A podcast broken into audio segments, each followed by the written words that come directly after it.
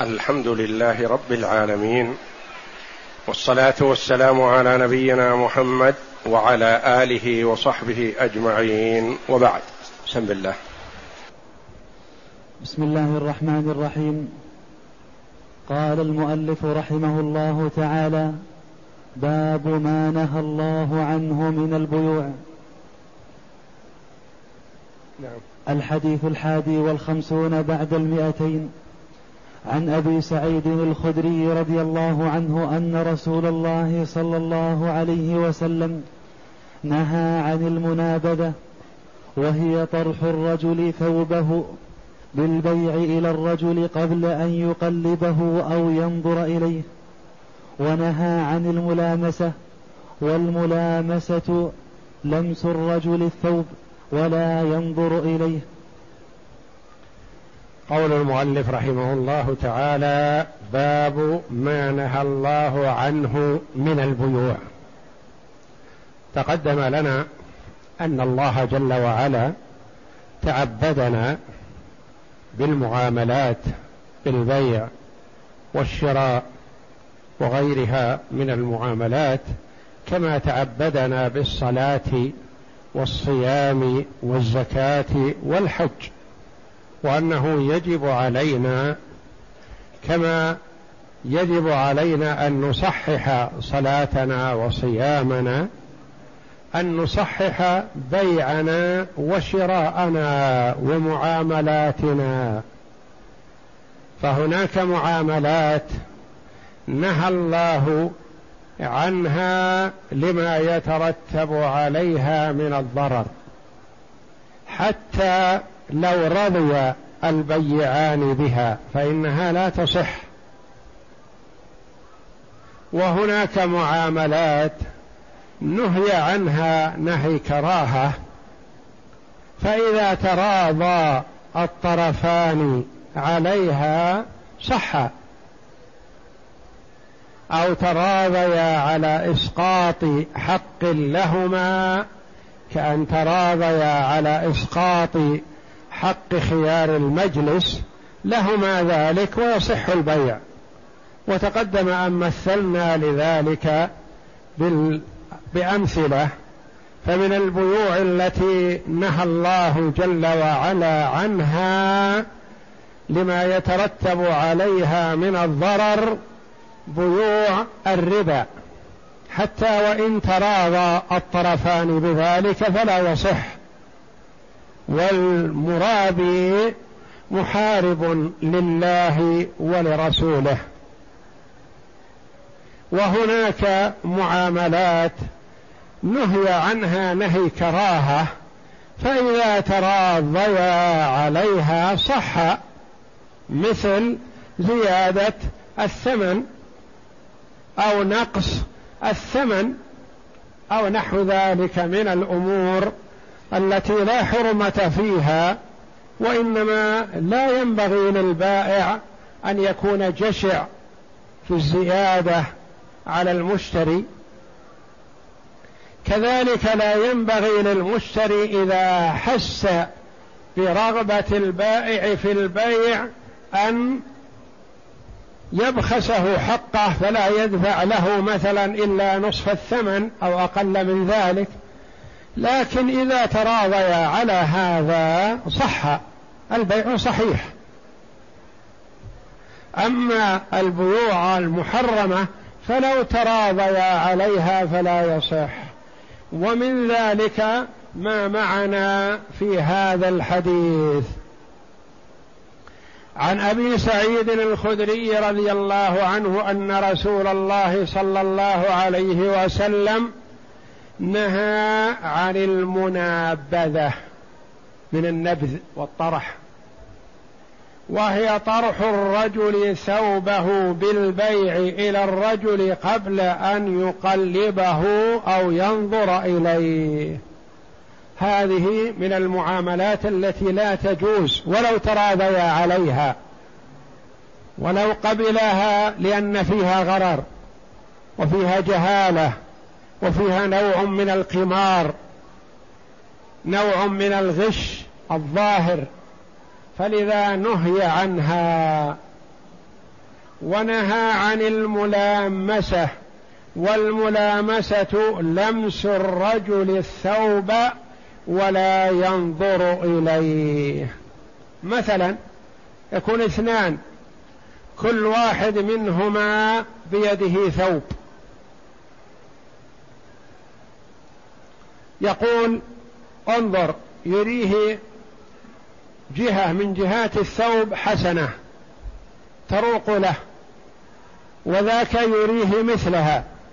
فيقول كل واحد منهما للآخر أنبذ إليك ثوبي وتنبذ إلي ثوبك ونتبايع فيما بيننا.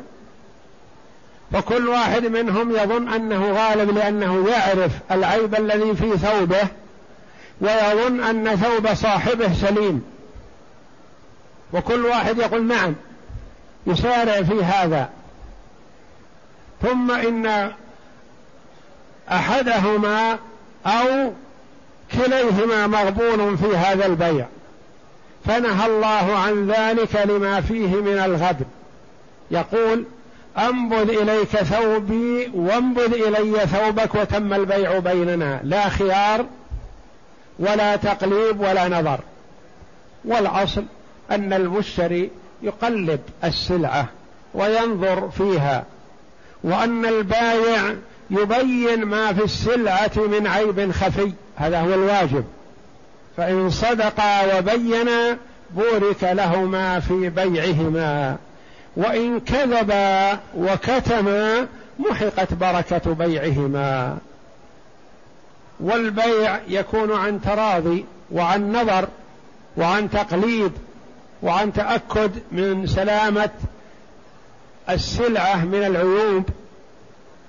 ليس مبني على الجهالة والغرر والمخاطرة لأنه ربما يكون هذا الثوب لا ثوب لا شيء خرقة لا قيمة لها ملفوفة ومبرز منها شيء حسن يروق للناظر فينظر إليه ويظن أنه على ما يتوقع فإذا به لا يساوي شيئا وكذلك الآخر.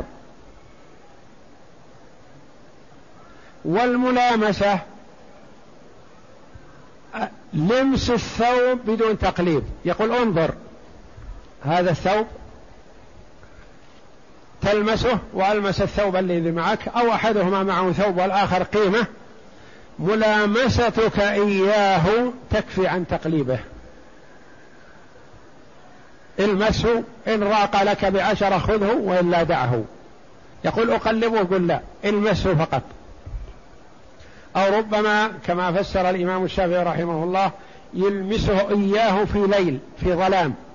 يقول المس هذا الثوب فإذا لمسته فالملامستك إياه تكفي عن تقليبه ومعرفته.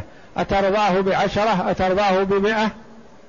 فيلمسه فيقول نعم أرضاه بعشرة أو أرضاه بمئة. فيأخذه فإذا هو لا شيء ولا يساوي شيء. لمس ناحية منه ناعمة أو حسنة فإذا بالباقي لا قيمة له. فنهى النبي صلى الله عليه وسلم عن هذه البيوع لما فيها من الغرر. فيها جهالة فيها غش. والنبي صلى الله عليه وسلم يقول من غش فليس منا. وفي رواية من غشنا فليس منا. فيجب على البائع إظهار السلعة وبيان ما فيها ويجب على المشتري كذلك إظهار الثمن وبيان ما فيه إن كان فيه عيب أو نحو ذلك.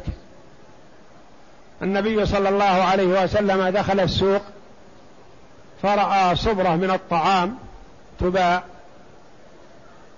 فأدخل يده في الصبرة الكومة من الطعام فوجد بللا حذر. فقال ما هذا يا صاحب الطعام؟ قال أصابته السماء من الليل يا رسول الله. يعني هذا أتاه مطر فوضع عليه طعام ناشف حسن جمله والاسفل فيه ماء فقال هل لا جعلته فوق ليراه المشتري؟ من غش فليس منا. وفي رواية من غشنا فليس منا. فلا يجوز للمسلم أن يغش أخاه المسلم في بيع ولا شراء ولا معاملة ولا تزويج ولا غير ذلك. يبين كل ما في سلعته أو حاجته. نهى عن المنابذة وهي طرح الرجل الثوب بالبيع إلى الرجل قبل أن يقلبه وينظر إليه. هذا الثوب مثلا يقول من يأخذه؟ بعشرة.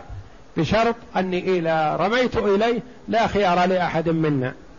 ينتهي خيارنا برمي الثوب عليه. فيقول واحد مثلا أنا آخذه بمئة يظن أنه حسن. فإذا رمي عليه وقلبه إذا ما في خير ولا فائدة فيه. وقد شرط عليه ألا رجوع. فنهي عن هذا البيع وكذلك الملامسة. ويقاس على هذه ما كان فيه غرر وجهالة وغش وخديعة. كل هذا منهي عنه. فإذا ثبت الغش أو ثبتت المخادعة بطل البيع وأعيدت السلعة إلى صاحبها. اقرأ. المعنى الإجمالي نهى النبي صلى الله عليه وسلم عن بيع الغرر لما يحصل فيه من مضرة لأحد المتعاقدين. لأن أحدهما لابد أن يتضرر. المغشوش سيتضرر. ولا يجوز أن يقبل ضرر أحدهما لحساب الآخر يستفيد الآخر. نعم. بأن يغبن في بيعه أو شرائه. وذلك كأن يكون المبيع مجهولا للبائع. مثله لو وف القيمة مثلا. القيمة فئة مئة ريال أو فئة خمسمائة ريال لفها وقال هذه فإذا بها مقطوعة النصف. ما تساوي شيء. تالفة مثلا أراه طرفا منها قال بهذه لا أزيدك ولا أنقصك هذه خمسمائة ريال مثلا. فيرى الرقم خمسمائة ريال فيقبلها يرى أنها سليمة. فإذا فلها وجدها ما تساوي شيء لأنها مقطوعة. تالفة. وهكذا سواء كان التلف أو الضرر في الثمن أو في المثمن. وذلك كأن يكون المبيع مجهولا للبائع أو للمشتري أو لهما جميعا. ومنه بيع المنابذة بحيث يطرح البائع الثوب مثلا على المشتري ويعقدان البيع قبل النظر إليه أو تقليبه.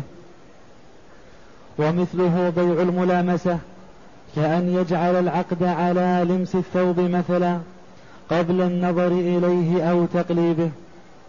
وهذان العقدان يفضيان إلى الجهل والغرر في المعقود عليه. فأحد العاقدين تحت الخطر إما أحد العاقدين يعني المشتري أو البائع أحدهما متضرر لا محالة. نعم. فأحد العاقدين تحت الخطر إما غانما وإما غارما. فيدخلان في باب الميسر المنهي عنه. الذي فيه جهالة وغرر. نعم. ما يستفاد من الحديث؟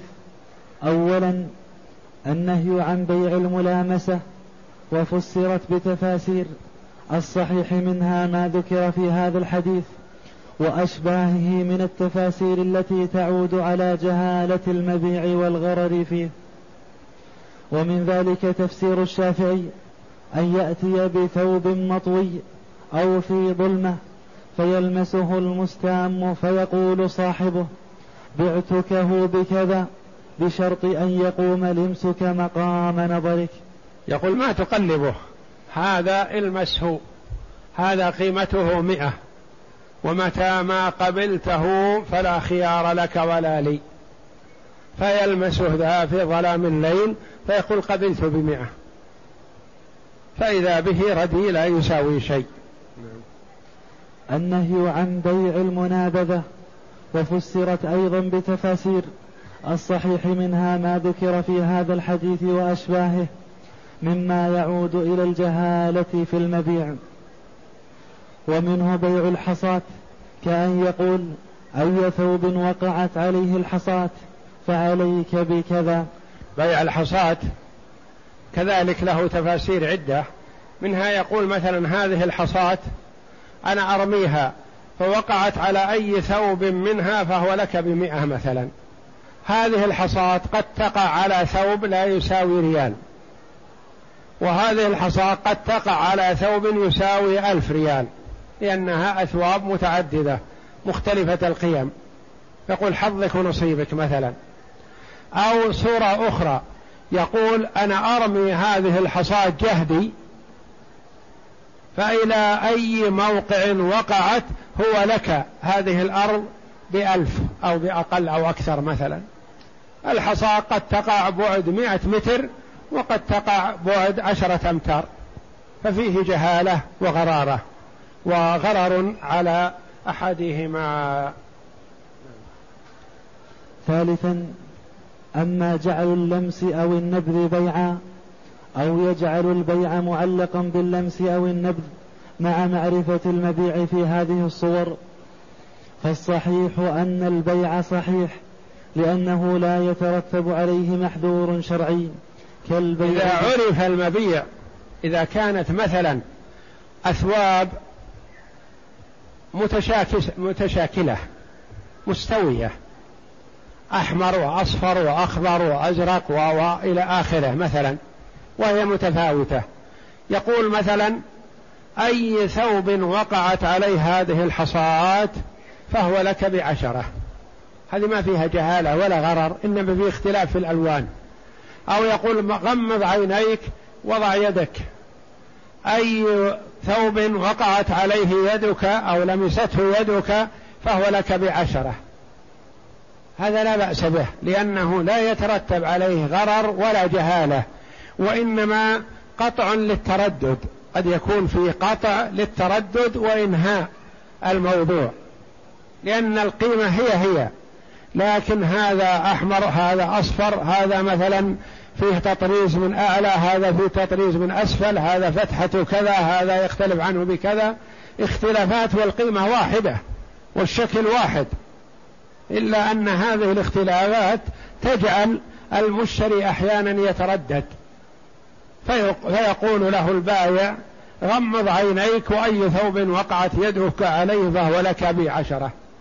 أو أنا أغمض عيني وأدور بيدي ثم أضعها فأي ثوب وقعت عليه يدي فهو لك بعشرة.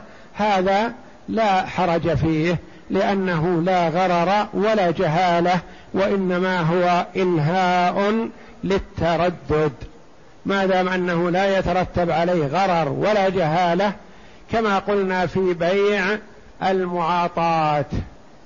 يضع القيمة ويأخذ السلعة ويمشي ولا يتكلمان. رابعا أن هذين البيعين غير صحيحين لأن النهي يقتضي الفساد.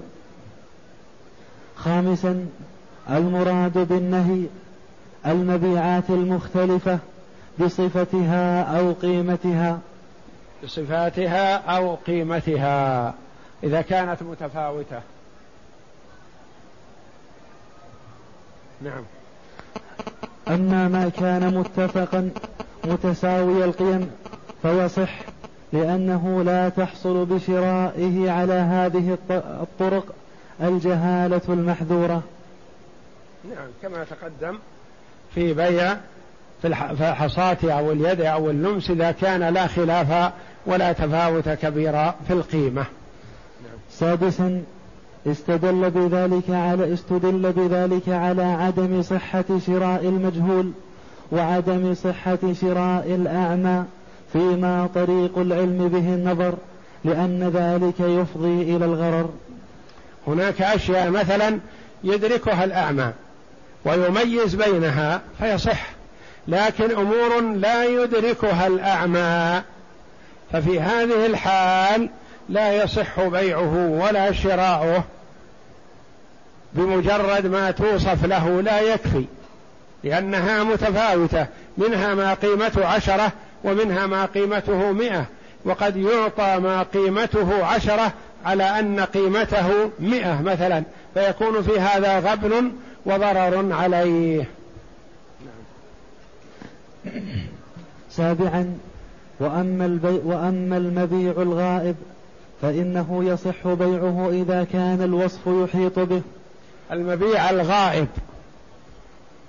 يقول مثلا أبيع عليك كذا ثوب سيارة بعير كذا أي شيء. هذا لا يخلو. إن كان ينضبط بالوصف فيصح. فإذا رآه وكان على حسب الصفة صح البيع. وإن كان لا ينضبط بالوصف فلا يصح. ثم إن كان معينا واختلفت الصفة فلا يصح البيع. وإن كان غير معين غير معين ولم تنطبق الصفة فللمشتري الخيار بين القبول والرد أو إعطاؤه بدله ورده. مثال ذلك مثلا. قال بيع عليك مثلا سيارة نوعها كذا موديلها كذا لونها كذا ضبطها بالوصف. هذا يسمى بيع السلم بشرط أن تعجل القيمة ويؤخر المبيع. يقول أعطني أنا بستورد السيارات هذه استورد عشر سيارات مائة سيارة ما عندي قيمة.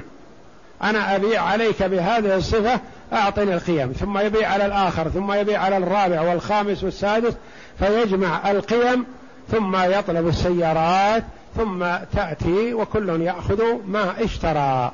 هذا يسمى السلم. بشرط أن تعجل القيمة ويؤخر المثمن المبيع. بشرط أن يكون موصوف وغير معين. موصوف وغير معين. يعني سيارة بهذه الصفة أي سيارة. هذا صحيح. أما إذا كان موصوفا معينا فهذا يصح إذا انطبقت الصفة. صارت منضبطة صح. وإذا لم تنطبق الصفة بطل البيع. مثال ذلك. يقول أبيع عليك سيارة محمد التي معه في الرياض. موديلها كذا صفتها كذا لونها كذا إلى آخره. فاتفقا على البيع واستلم القيمة. طلب السيارة تأتي من الرياض. لما جاءت السيارة إذا بها كما وصفها البائع سواء بسواء. هذا البيع صحيح. لأنه وصفها وانطبقت الصفة. إذا جاءت فإذا بها تختلف. تصورها المشتري أنها نظيفة. فوجد السيارة غير نظيفة غير لائقة. ما تنطبق على الصفة التي ذكر بطل البيع. ولا يقال أحضر له سيارة بما وصفت لا لأن المبيع معين الأصل سيارة محمد. فيبطل البيع وتعاد القيمة لصاحبها. وهذا يسميه الفقهاء رحمهم الله ببيع السلم. وهذا عادة كثيرا ما يكون عند الفلاحين. عند بدء الزرع. بدء الزرع يكون الفلاح في حاجة إلى دراهم وليس معه شيء يريد أن يزرع. ولا يجد من يقرضه. فيأتي إلى زيد أو عمرو ويقول أبيع عليك مثلا ألف كيلو من القمح. صفته كذا لونه كذا ثقله كذا يضبطه بالوصف. أبيعه عليك الكيلو بريال مثلا أعطني ألف ريال. فيعطيه ألف ريال لأنه معلوم أن القمح مثلا يساوي قيمته مثلا ريال ونصف. فالفلاح باع بريال لأنه بيعجل القيمة يستلمها ينتفع بها. والمشتري مستفيد لأنه سيأخذ قمح بريال الآن بينما هو عند التسليم ربما يساوي ريال ونصف وأكثر. فهذا السلم جائز إذا ضبط بالصفة أو يبيع عليه تمر مثلا رطب سكري نبوت كذا أي نوع من أنواع التمر بهذه الصفة وهذا الشكل. مثلا نوع طيب نوع متوسط نوع آه، ردي وهكذا يضبطونه بالصفة المعلومة التي لا جهالة فيها. ويسميه العوام الكتب يعني أنه يبيع شيء مكتوب ما باع شيء حاضر ويستلم القيمة. ولا يصح أن يكون المبيع مؤجل والقيمة مؤجلة ما يصح. ولما قدم النبي صلى الله عليه وسلم المدينة وجدهم يبيعون الثمار السنة والسنتين. فقال عليه الصلاة والسلام من باع فليبع كيلا معلوم بعدد معلوم وموصوف معلوم أو كما قال صلى الله عليه وسلم. يعني يكون مضبوط في الوصف بثمن معلوم يسلم في مجلس العقد. فالسلم تعجيل القيمة وتأخير المبيع. إذا كان موصوفا صفة تبينه صح. نعم. وإذا وصف وصفا تنتفي معه جهالته كوصف بيع السلم فإذا لم يجده المشتري على الصفة المشروطة فإن كان موصوفا معينا بطل العقد وإن كان موصوفا في الذمة فالعقد صحيح. ويلزم البائع إحضار ما تتم به الصفات المشروطة في العقد. يعني إذا كان معين ولم تنطبق عليه الصفة بطل البيع. وإذا لم يكن معين يعني أي قمح أي سيارة كذا ولم تنطبق عليه الصفة هذا الذي حضره البيع صحيح وعليه أن يحضر ما تنطبق عليه الصفة. نعم. ثامنا قال النووي أعلم أن اعلم. أن الملامسة والمنابذة ونحوهما مما نص عليه في هي داخلة في النهي عن بيع الغرر. يعني أنه ينطبق عليها بيع الغرر فكل بيع فيه غرر فيقاس على الملامسة والمنابذة فلا يصح. ولكن أفردت بالذكر لكونها من بيعات الجاهلية المشهورة. لأن الملامسة والمنابذة كانوا يتبايعون في الجاهلية بها فنص عليها صلى الله عليه وسلم بخصوصها وعمم بالنهي عما فيه غرر وجهالة. قال والنهي عن بيع الغرر أصل عظيم من أصول البيوع. ويدخل فيه مسائل كثيرة غير منحصرة. وقال ابن عبد البر الأصل في هذا الباب كله النهي عن القمار والمخاطرة وذلك للميسر المنهي عنه. يعني الذي يترتب عليه الجهالة والغرر على أحدهما على المشتري أو على البائع. لأن البيع لا بد أن يكون على شيء ظاهر بين كما قال عليه الصلاة والسلام فإن صدقا وبينا بورك لهما في بيعهما وإن كذبا وكتما محقت بركة بيعهما. وهذا حث على الصدق وبيان الحق في المعاملات كما هو واجب في العبادات. تاسعا بهذا تبين أن ما نهي عنه في هذا الحديث مرجعه إلى الضابط الثاني المتقدم. وهو الصحيح ما ذكره في هذا الحديث واشبه مما يعود إلى الجهالة في البيع. يعني أن كل ما عاد إلى الجهالة في البيع فهو منهي عنه. والله أعلم. وصلى الله وسلم وبارك على عبده ورسول نبينا محمد وعلى آله وصحبه أجمعين.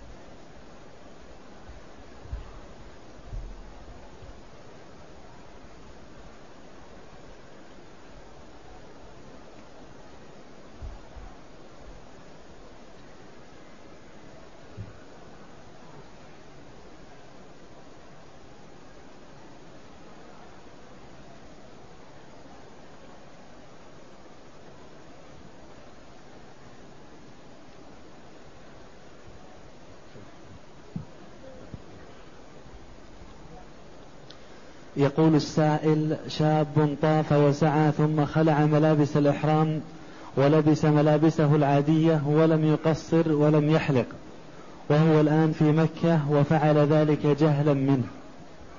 الواجب عليه المبادرة بالحلق أو التقصير ويحسن أنه يخلع ملابسه العادية ويلبس ملابس الإحرام ثم يحلق أو يقصر.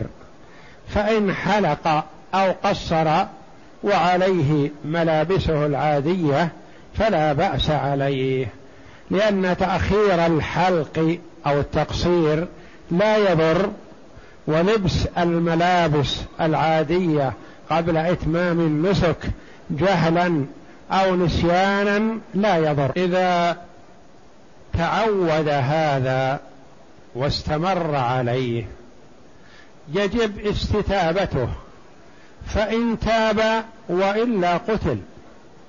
فلا يجوز للمسلم أن يتخلف عن صلاة من الصلوات والتخلف عن صلاة الفجر فيه صفة من صفات المنافقين.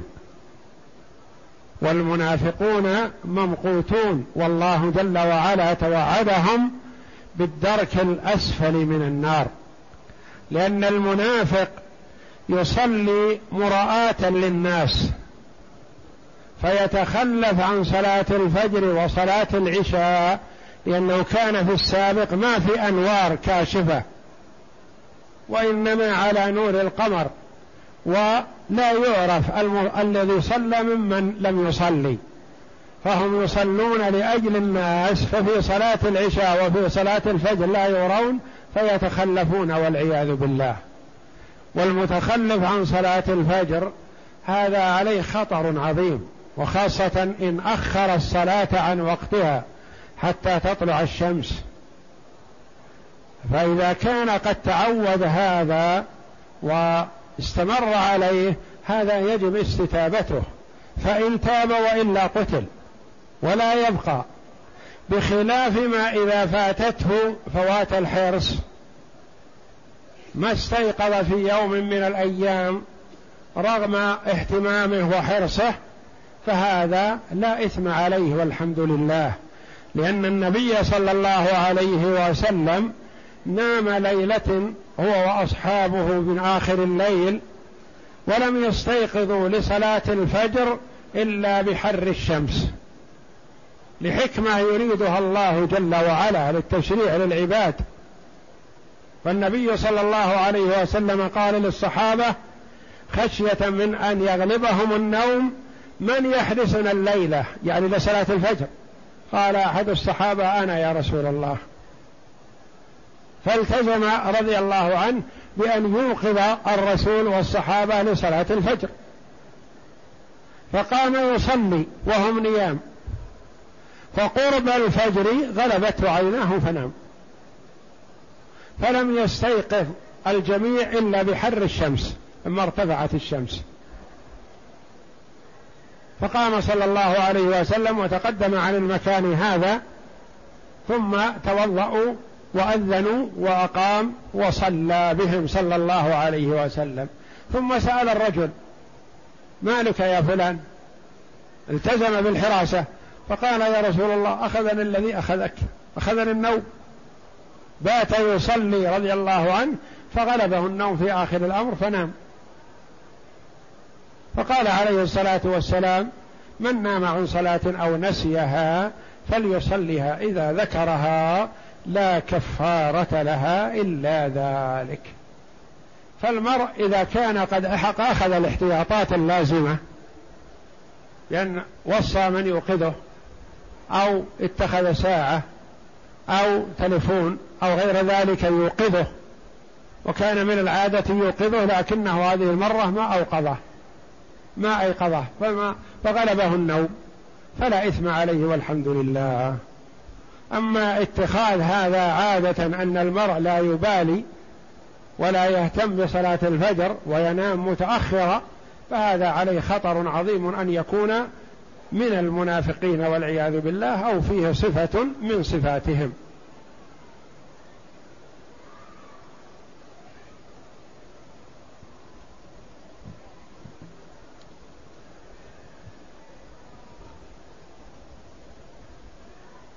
يقول السائل ما حكم بيع الدخان والشيشة؟ لا يجوز للمسلم أن يبيع الدخان ولا الشيشة ولا كل ما فيه ضرر لأن هذه فيها ضرر ولا خير فيها. والله جل وعلا وصف نبينا محمدا صلى الله عليه وسلم بأنه يحل لنا الطيبات ويحرم علينا الخبائث. في قوله جل وعلا الذين يتبعون الرسول النبي الأمي الذي يجدونه مكتوبا عندهم في التوراة والإنجيل يأمرهم بالمعروف وينهاهم عن المنكر ويحل لهم الطيبات ويحرم عليهم الخبائث. فكل خبيث وكل ضار محرم. فالشيشة والدخان والخمر وغيرها من المحرمات. هذه لا خير فيها وهي ضارة وضررها معروف ومتيقن فهي حينئذ حرام. وكذلك الضار وإن لم يكن خبيث مثل التراب. لو أن شخصا بدأ يأكل من التراب. قلنا يحرم عليه هذا. يقول أليس هو طيب؟ والله جل وعلا يقول فتيمموا صعيدا طيبا. التراب صعيد طيب يتيمم به ويتطهر به. فأنا آكله. نقول لا هو ليس بخبيث لكنه ضار. فكل ضار وكل خبيث محرم. فهذه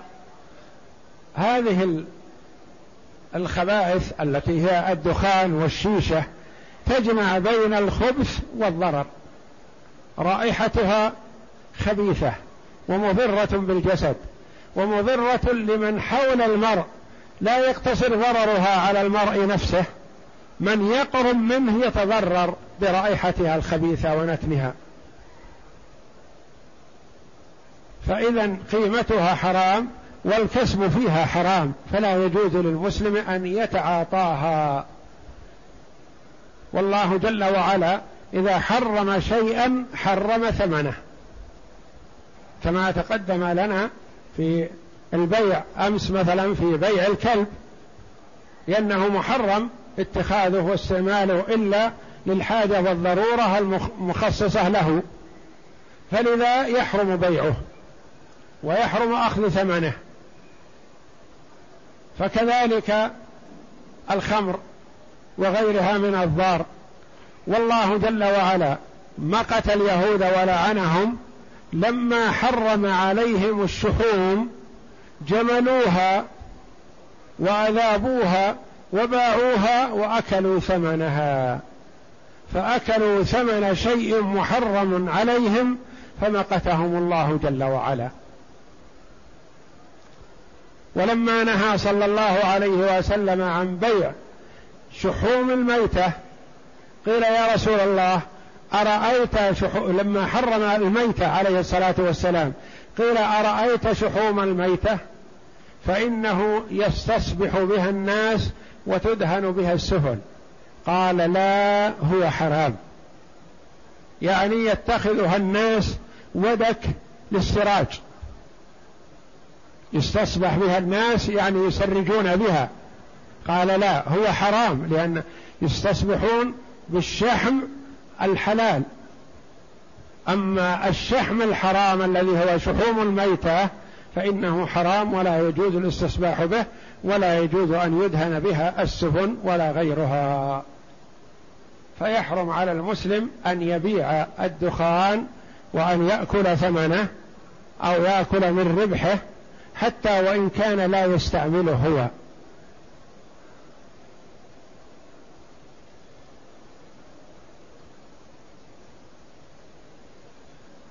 يقول السائل كيف كان أهل المدينة يفعلون يفعلون بدون خيار المجلس؟ نعم كان أهل المدينة مثلا الذين لا يرون ما هم كلهم بعضهم لا يرون خيار المجلس يعني إذا قال بعت عليك وذاك قال اشترى تم ما يرجع أحدهما على الآخر. مثل بعض العقود التي ليس فيها خيار مجلس مثلا الوقف. إذا وقف المرء مثلا فلا خيار له بعد ذلك. إذا زوج أو تزوج فلا خيار له إلا بالطلاق أو الخلع.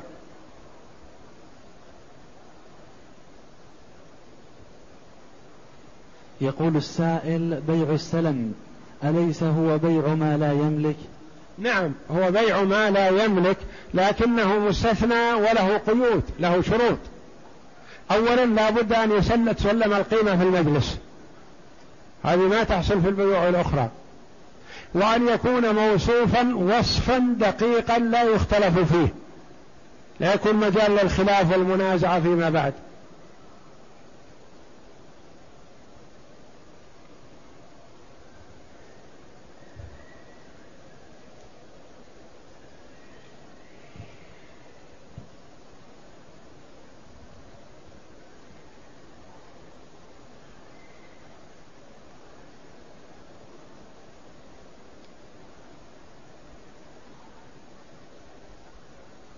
يقول السائل أديت العمرة وبعد الانتهاء من العمرة شككت هل أديتها وأنا على طهارة أم لا؟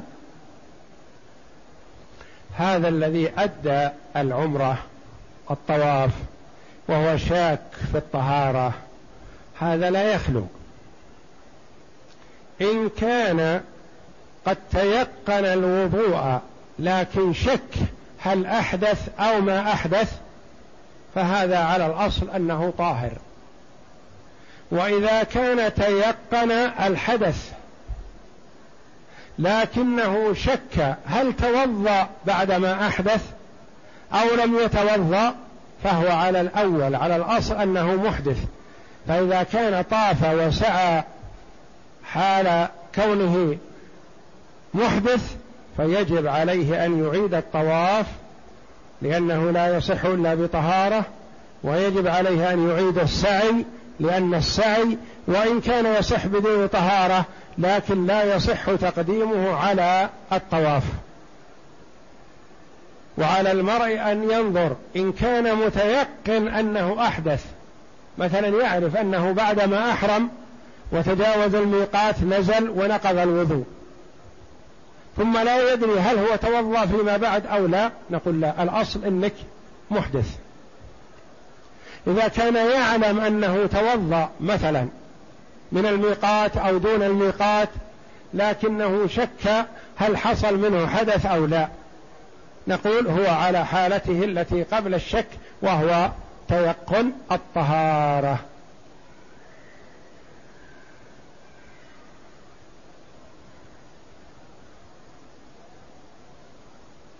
يقول السائل ما حكم من تطيب بعدما نوى التلبية بالعمرة وهو جاهل؟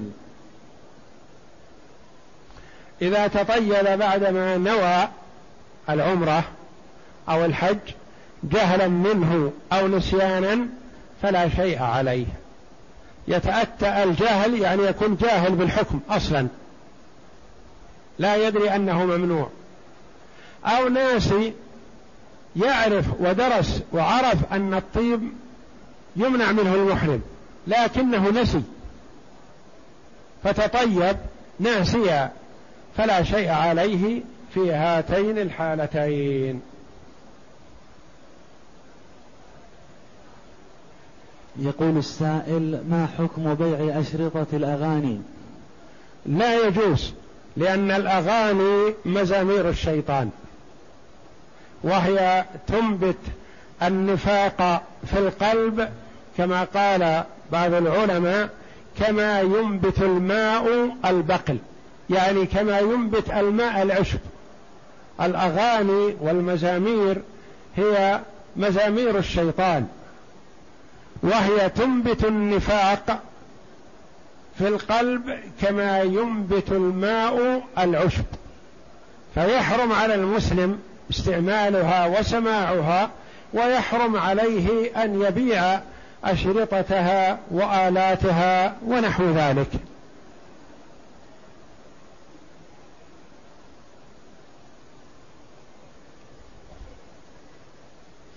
يقول السائل نرجو توضيح الفرق بين بيع السلم وبيع ما لا يملك.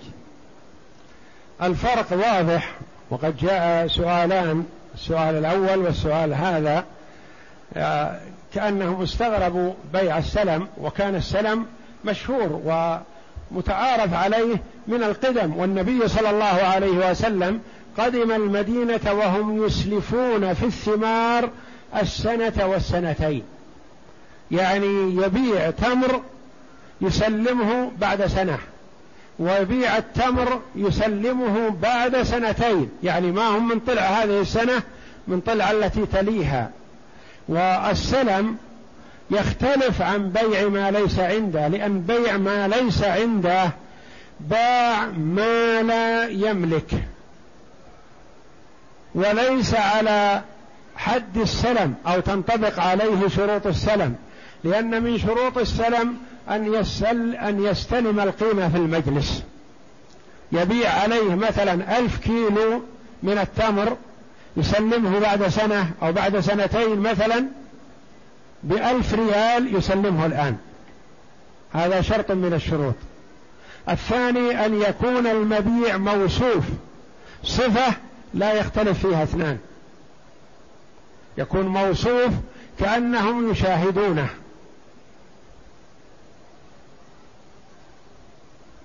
فهذا واضح بخلاف بيع ما ليس عنده. ربما باع ما ليس عنده بدون أن يستلم شيئا من القيمة. وهذه أكثر مبايعات الناس مثلا. يبيع عليه سيارة بالأقساط كل شهر يسلم كذا لمدة عشرة أشهر أو عشرين شهر أو أقل أو أكثر ويتبايعان وليس عنده سيارة. وما استلم شيئا من القيمة. ثم إذا وقعوا العقد وانتهوا ذهبوا إلى المعرض وأخذ هذه السيارة وسلمها لصاحبها. وهذا لا يجوز لأنه باع ما ليس يملك وليس من نوع بيع السلم.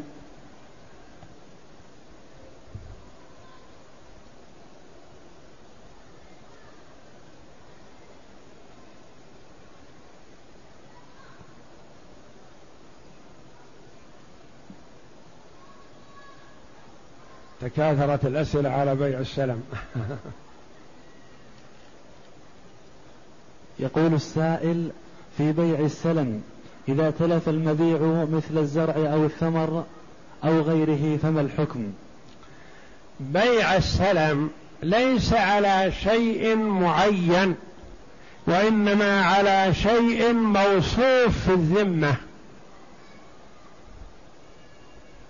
يعني هو باع عليه ألف كيلو من كذا أو كذا صفته كذا لونه كذا إلى آخر الصفات التي ينضبط فيها المبيع.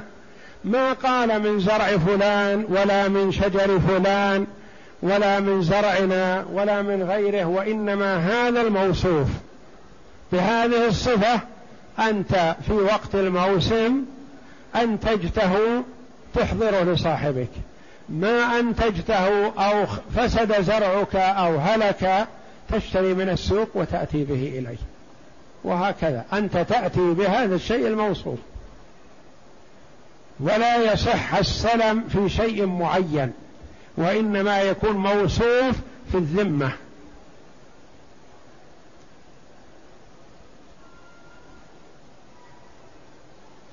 يقول السائل هل يجوز استعمال جلد الميتة المدبوغ؟ اختلف العلماء رحمهم الله في ذلك فمن العلماء من يرى أنه إذا دبغ طهر وأنه يصح استعماله في المائعات والجامدات. ومن العلماء من قال إذا دبغ فلا يطهر وإنما يصح استعماله في اليابسات. يصح استعماله مثلا في الدقيق ويصح استعماله في الأشياء اليابس ولا يصح استعماله في الأشياء الرطبة كالتمر ونحوه أو السمن أو الماء. قالوا لا يستعمل في المائع.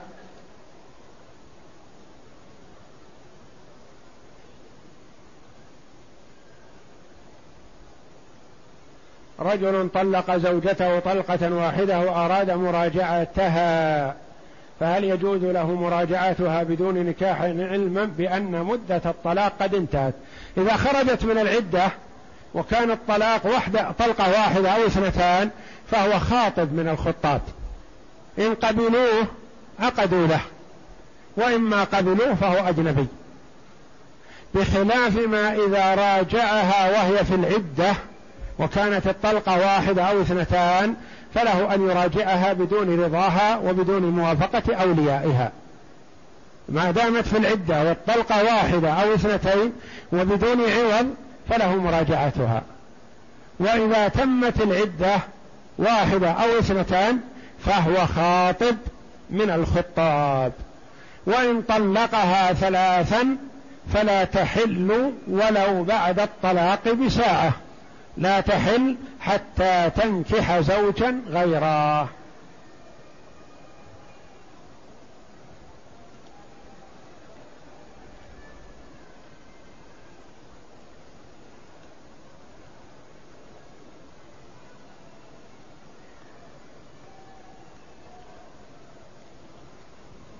يقول السائل كيف نجمع بين حديث النهي وحديث الأمر في مسألة واحدة؟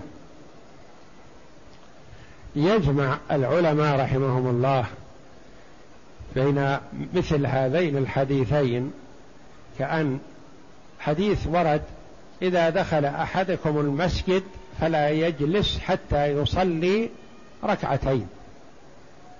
وحديث نهي النبي صلى الله عليه وسلم عن الصلاة بعد العصر والصلاة بعد الفجر. والجمع واضح والحمد لله. نقول قوله صلى الله عليه وسلم إذا دخل أحدكم المسجد فلا يجلس حتى يصلي ركعتين. هذا نهي عن الجلوس في المسجد إلا بعد الصلاة. في أي وقت؟ وقوله صلى الله عليه وسلم لا صلاة بعد العصر. نعم لا نافلة. ما تقوم تتنفل. فنقول مثلا أنت جالس في المسجد. بعد صلاة العصر. فبعد ربع ساعة أو نصف ساعة من صلاة العصر تقوم لتصلي ركعتين. نقول لا لا يجوز. الوقت وقت نهي. أنت منهي عن الصلاة في هذا الوقت. دخل داخل بعد العصر وأراد أن يجلس. نقول لا يا أخي قم صل ركعتين. يقول ألم تنهوا فلان عن أن يصلي؟ نقول نعم نهينا فلان لأنه موجود في المسجد. وأما أنت دخولك للمسجد سبب للصلاة فأنت منهي عن الجلوس حتى تصلي تحية المسجد. فذوات الأسباب تفعل ولو في وقت النهي. فمثلا طاف بهذا البيت شرفه الله بعد صلاة العصر. نقول لا تجلس بعد الطواف حتى تصلي ركعتين لقوله صلى الله عليه وسلم يا بني عبد مناف لا تمنعوا أحدا طاف بهذا البيت وصلى فيه أي ساعة شاء من ليل أو نهار. ولا يلزم لكن يستحب. نقول لو جلس وما صلى ما قلنا يحرم عليك ولا يجوز وإنما الأفضل لك أن تصلي. لقوله صلى الله عليه وسلم لا تمنع أحدا طاف بهذا البيت وصلى فيه أي ساعة شاء من ليل أو نهار. أي ساعة طفت فصل. استحبابا لا وجوبا. وهكذا. صلاة الجنازة مثلا منهي عن الصلاة بعد العصر مطلقة لكن حضرت صلاة الجنازة. بعد صلاة العصر قدموا الجنازة نقول لا نصلي عليها إلا بعد المغرب. لا هذا سبب. وجود الجنازة سبب للصلاة. فنصلي على الجنازة. أنت تقرأ القرآن بعد صلاة العصر مثلا ومررت بآية سجدة. نقول اسكت لأنك مرر قرأت بآية السجدة فاسكت فقراءتك لآية السجدة سبب للسجود فاسجد. هذا من ذوات الأسباب. ذوات الأسباب تفعل في وقت النهي وغيره. والنوافل المطلقة لا تفعل في وقت النهي.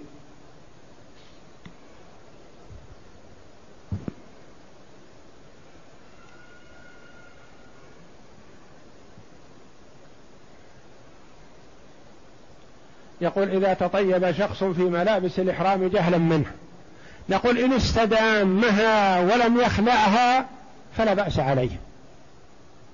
ومتى ما خلع الإزار أو خلع الرداء فيجب عليه أن يغسلها قبل أن يلبسها لأنه استعاد الطيب. ولهذا يكره أن يطيب ملابس الإحرام. إذا طيب طيب رأسه.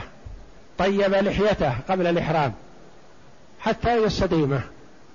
أما إذا طيب الرداء قبل الإحرام ثم لبسه ثم أراد أن يتوضأ مثلا بعدما عقد النية نقول لا يلبس هذا الرداء الذي فيه الطيب لأنه كأنه تطيب من جديد.